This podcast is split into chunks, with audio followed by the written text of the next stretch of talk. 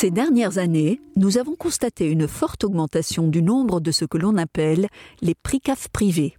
Selon le site web du SFP Finance, il en existe actuellement quelques 130, dont la moitié a été créée au cours des trois dernières années. Bernard Peters et Quentin Mazur, deux des spécialistes de l'équipe Private Equity de Tibergien, partagent leur expertise sur ces fonds d'investissement privés. Podcast Tibergien. Qu'est-ce que le phénomène PRICAF privé? Une PRICAF privée est un véhicule spécifique qui a été constitué pour investir dans du private equity, hein, du capital à risque, c'est-à-dire investir dans des entreprises non cotées en bourse, dont depuis le début de leur constitution, notamment les startups, donc les, entreprises qui ont beaucoup de potentiel mais qui viennent de commencer à développer leur idée et leur activité, jusqu'à des entreprises un peu plus matures. C'est un fonds d'investissement euh, privé, c'est-à-dire ce n'est pas une holding, donc elle doit satisfaire certaines conditions euh, selon le droit financier. Par exemple, avoir une durée de vie déterminée. Une précasse privée, par exemple, ne peut être constituée que pour une durée de 12 ans, éventuellement à prolonger jusqu'à maximum 18 ans. En outre, la précasse privée, c'est un, fonds, doit rassembler une pluralité d'investisseurs, c'est-à-dire au moins 6 investisseurs qui ne sont pas liés les uns entre les autres. Pourquoi est-ce qu'un fonds private equity était nécessaire en Belgique? C'était justement pour euh, permettre euh, d'accroître les investissements dans du private equity pour développer l'économie belge et pour créer de l'emploi dans l'avenir. C'était donc une sorte de relance économique au début des années 2000. On en reviendra plus tard. Donc, qui peut investir dans, un, dans une précasse privée? C'est en fait euh, tout le monde, tant personne physique que société, du moment qu'un montant minimal est investi de 25 000 euros. Il n'y a pas de montant maximal à investir, ni un montant d'investisseur maximal, c'est-à-dire qu'une précasse privée peut en fait euh, constituer un fonds sans montant maximal, donc qui permet aussi d'investir ce montant dans plusieurs entreprises afin de pouvoir euh, diluer le risque pour l'investisseur. Bien sûr, une précasse privée est de nature privée, donc il faudra quand même faire attention que la précasse privée n'obtient pas le caractère d'un fonds public. Donc comme, comme je viens de dire, la précasse privée peut donc euh, constituer un fonds assez conséquent qui permet d'investir dans plusieurs euh, entreprises afin de diluer le risque pour l'investisseur. Ce qui est quand même important vu que le private equity, ça reste que du, capital à risque, où l'investisseur peut quand même perdre le montant, même intégral, de son apport dans la précasse privée. Cette diversification des risques est assez importante, ce qui, ce qui est dans l'occurrence également le cas, vu qu'une précasse privée est un fonds spécifique réglementé euh, en Belgique soumis un, à un certain contrôle réglementaire.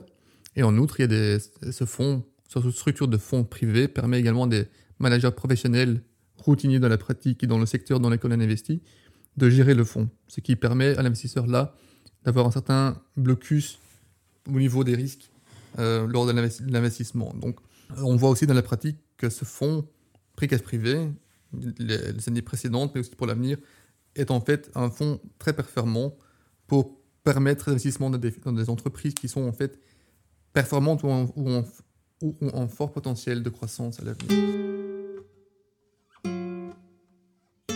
Comment la législation relative à la PRICAF privée a-t-elle été élaborée? En fait, la législation euh, sur la PRICAF privée initiale a été votée en 2003. À ce moment-là, euh, certains d'entre nous vont se rappeler, on avait euh, à nouveau, on était à un niveau euh, en crise économique et euh, c'était en fait la bulle Internet euh, à ce moment. Et le gouvernement, à ce moment-là, voulait aussi euh, voir dans quelle mesure on pouvait prendre des mesures pour inciter les investissements dans, donc, dans, le capital à risque. En fait, il y avait un groupe de travail à, à l'époque qui avait été créé et dont j'avais l'honneur de faire partie. Mais malheureusement, euh, il n'y avait pas de, comme c'est le cas aujourd'hui, il n'y avait pas de budget pour euh, accorder ou donner des cadeaux fiscaux. Et c'est pas le cas, c'est pas ce qui a été euh, créé par la PRICAF privée. En fait, le fil rouge de la PRICAF privée euh, pourrait être résumé comme suit. Un, une personne physique qui investit à lui seul dans une entreprise belge, la plus-value qu'il euh, espère réaliser à terme sera un principe euh, exonéré d'impôt. Mais dans la mesure où tout à coup il fait ça par le biais d'un fonds, donc par le biais d'une société qui, a, qui dispose de la personnalité juridique, euh, il va subir une taxation de 30%, euh, notamment une retenue à la source sur le compte mobilier de 30%. Parce que euh, cette fois-ci, c'est le fonds qui réalise la plus-value.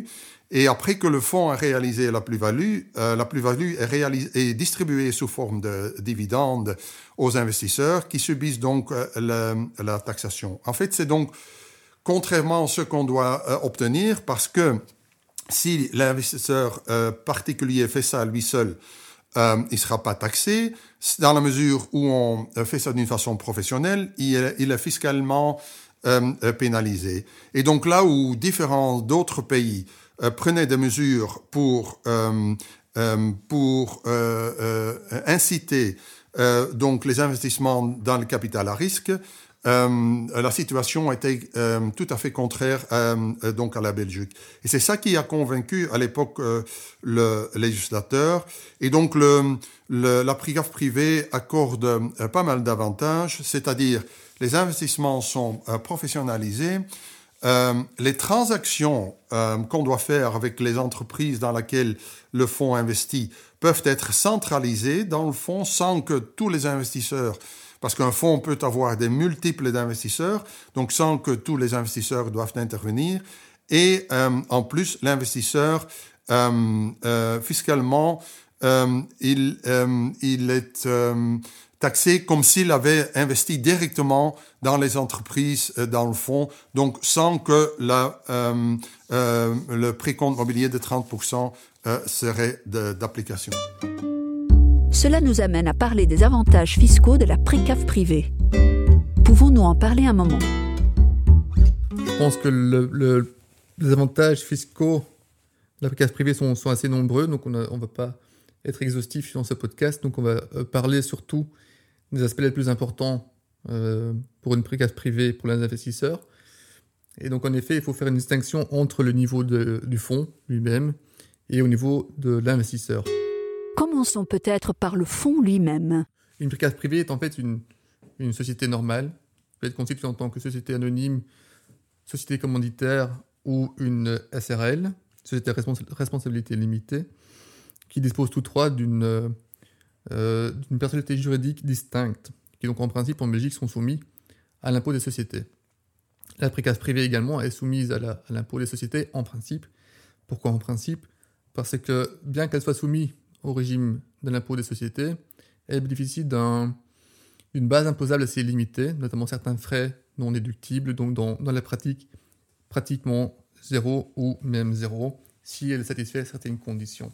Comme on l'a dit à l'instant, une casse privée a comme euh, but principal d'investir dans des actions d'entreprises en croissance. Eh bien, lors de la vente de ces plus-values, lorsque euh, la société dans laquelle on a investi a atteint une certaine croissance qu'on voulait obtenir au niveau du, fonds, le fonds va vendre ses actions et réaliser une plus-value.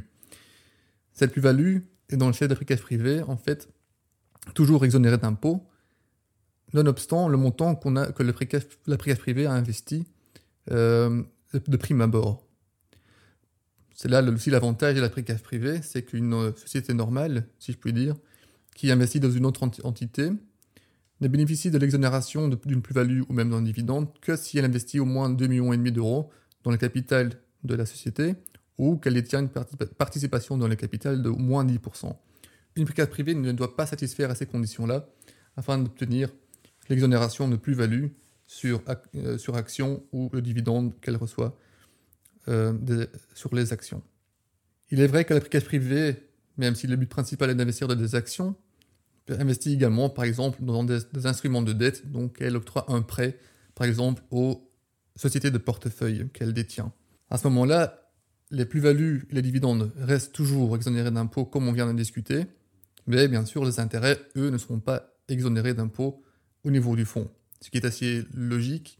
Quand on en a parlé, le but de la précasse privée était d'avoir une quasi-transparence, notamment que si on investit via une précasse privée dans des actions, on n'est pas pénalisé par rapport à l'investissement direct.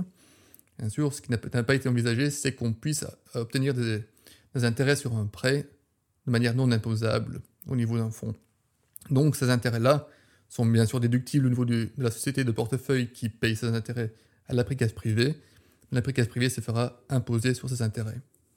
Petite nuance, bien sûr, c'est que vu que la précasse privée, si elle octroie des intérêts, des, prêts, pardon, sera soumise à l'impôt des sociétés de manière normale. À ce moment-là, vu qu'elle n'investit pas uniquement dans des actions, elle pourra, comme toute autre entité, déduire ses frais.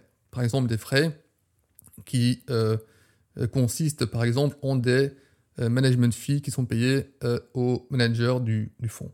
Donc, dans la pratique, bien que les intérêts sont soumis à l'impôt des sociétés, à 25%, les frais peuvent en être déduits au niveau de la précasse privée, et donc on arrive là aussi à une imposition assez, assez limitée. Et les investisseurs? Peut-être d'abord l'investisseur privé,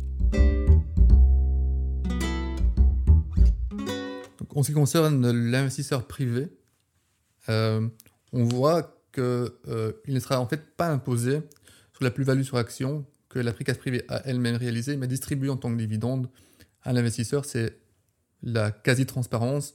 C'était le but, comme je l'ai dit, du législateur, c'est de ne pas pénaliser l'investisseur qui investit via un fonds. Donc, il est logique que la plus-value que le fonds réalise puisse être distribuée sans frottement fiscal à l'investisseur si la précasse privée euh, obtient d'autres rendements que la plus-value sur action, notamment par exemple intérêt ou dividende, il faudra faire attention de comment distribuer ce rendement aux investisseurs.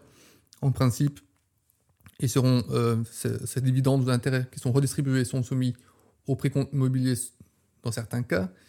Euh, par exemple, où ce n'est pas le cas, c'est lorsqu'une précasse privée distribue en fait le rendement lors de sa liquidation lors des rachats d'actions propres. Donc c'est à, vérifier au cas par cas lorsque la précasse privée reçoit d'autres éléments de revenus que des plus-values sur actions. Et qu'en est-il des sociétés belges? En ce qui concerne des sociétés belges qui investissent dans une précasse privée, là il y a aussi un avantage, c'est que, comme je l'ai dit à l'instant, la précasse privée elle-même ne doit pas satisfaire aux conditions de participation, ne, pas, ne doit pas investir un minimum dans euh, le capital de la société de portefeuille.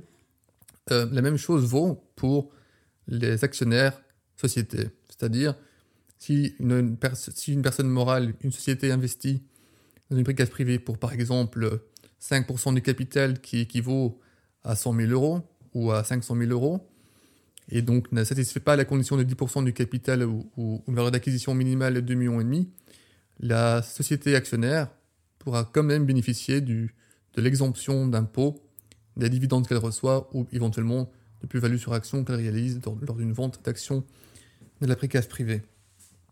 Donc également pour une société belge, une société belge clairement un avantage vu que si elle investit directement dans une société de portefeuille, donc non pas en passant par la précasse privée, et qu'elle investit non pas 10% dans le capital ni 2 millions dans le capital, mais qu'elle euh, investit moins, elle se fera par contre imposer sur le dividende ou sur la plus-value à concurrence de 25% à l'impôt des sociétés, si elle passe par une précasse privée, le même investissement, mais indirectement, ne se verra pas imposer.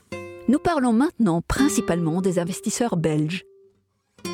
Les investisseurs étrangers peuvent-ils également investir via une PRICAF privée? Absolument, même, même au contraire. Je pense que c'est également le but que des investisseurs étrangers investissent dans une PRICAF privée, vu que le régime de la euh, PRICAF privée euh, prévoit non seulement les mêmes avantages en Belgique euh, fiscaux euh, aux, investisseurs étrangers, mais également prévoit quelques exonérations supplémentaires pour les investisseurs euh, non résidents belges.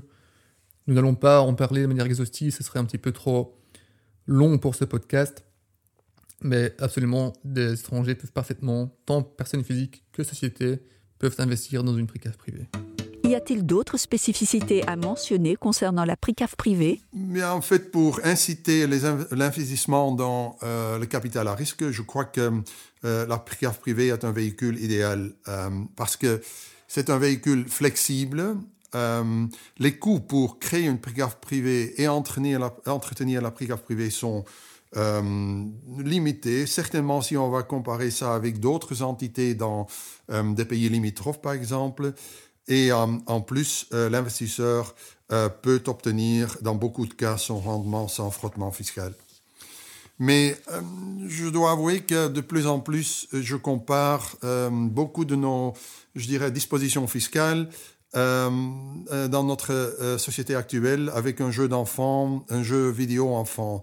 à l'extérieur, ça semble être très facile, mais si on creuse, on voit que c'est beaucoup plus, beaucoup plus complexe. Et en fait, c'est aussi le cas pour la privée. Pour les investisseurs et les, managers du fonds, en fait, les règles de jeu de euh, la PRICAF privée sont relativement simples. Mais ça n'empêche que euh, on doit euh, faire attention, disons, à certaines règles techniques qui sont importantes. Et en plus, il y a même certaines règles, si on ne les respecte pas, qu'on risque de perdre donc la qualification de PRICAF privé, ce qui serait malheureux, ne fût-ce que pour les investisseurs. Et pour donner quelques de ces exemples euh, sans être exhaustif, par exemple, on n'a pas encore eu l'occasion de parler du statut de TVA euh, de la PRIGAF privée. Ceci aussi doit être bien géré parce qu'il y a certains services qui sont euh, livrés à, la PRIGAF privée qui sont exonérés de la TVA. En plus, la PRIGAF privée, dans la mesure où elle investit dans des sociétés, je dirais, moins de 10%, doit, doit faire attention euh, parce que euh, si euh, c'est peut-être pas toujours le cas, mais dans la mesure où ces entreprises distribuent un dividende, la retenue à la source qui est retenue par ces entreprises est souvent pas récupérable au niveau de la PRICAF privée. Oui, entre autres, Bernard, il y a d'autres points aussi à soulever. Par exemple, le fait qu'une PRICAF privée, qui ne peut exister, donc, comme on a déjà dit, pour une durée déterminée de 12 ans, voire maximum 18 ans, ne peut détenir que de manière limitée des, liquidités. C'est un des exemples. En outre, si la PRICAF privée investit à l'étranger, il faut aussi vérifier à l'étranger comment la PRICAF se fait euh, taxer ou comment elle est considérée dans le cadre des conventions préventives de l'imposition ou dans le cadre des euh, directives européennes. Mais comme, tu as dit Bernard, en effet, c'est, ça a un peu plus complexe quand on creuse. on a vu une modification de loi en 2018 assouplissant le, régime des PRICAF privées et on voit des, des 130 prix privés qui existent aujourd'hui.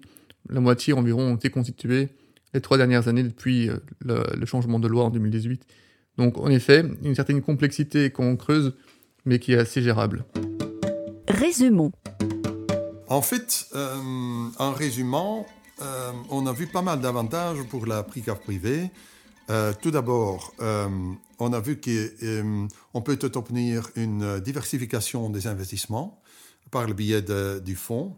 On peut faire appel à des managers professionnels qui euh, gèrent euh, le fonds, mais euh, peut-être encore plus important pour l'investisseur, c'est que dans la mesure où il réalise une plus-value ou donc un rendement, il peut obtenir en exonération d'impôts, tant que pour les personnes physiques que pour les sociétés belges qui investissent dans une telle privée. Mais comme on a vu, disons, les règles euh, générales sont relativement simples, mais il y a, euh, disons, des règles plus techniques auxquelles on doit faire ou, auxquelles on doit attacher quand même pas mal d'importance. Donc, en, effet, Bernard, si, l'auditeur a une certaine question concernant la privée, que ce soit la constitution d'un fonds ou comment il se ferait taxer en investissant dans, un, dans, un, une précaire privée, nous sommes bien sûr disponibles pour répondre à leurs questions, vu qu'on a une équipe au sein de Tibergin qui expérimentée à la matière depuis plusieurs, années, surtout toi Bernard, tu fais ça depuis, plus de 20 ans, moi seulement 10 ans. Euh, donc euh, cela va de soi que si on peut contribuer davantage au succès de la précaire privée, qu'on le fera bien volontairement. C'était Bernard Peters et Quentin Mazur, avocats au cabinet Tibergien et experts en private equity. Podcast Tibergien.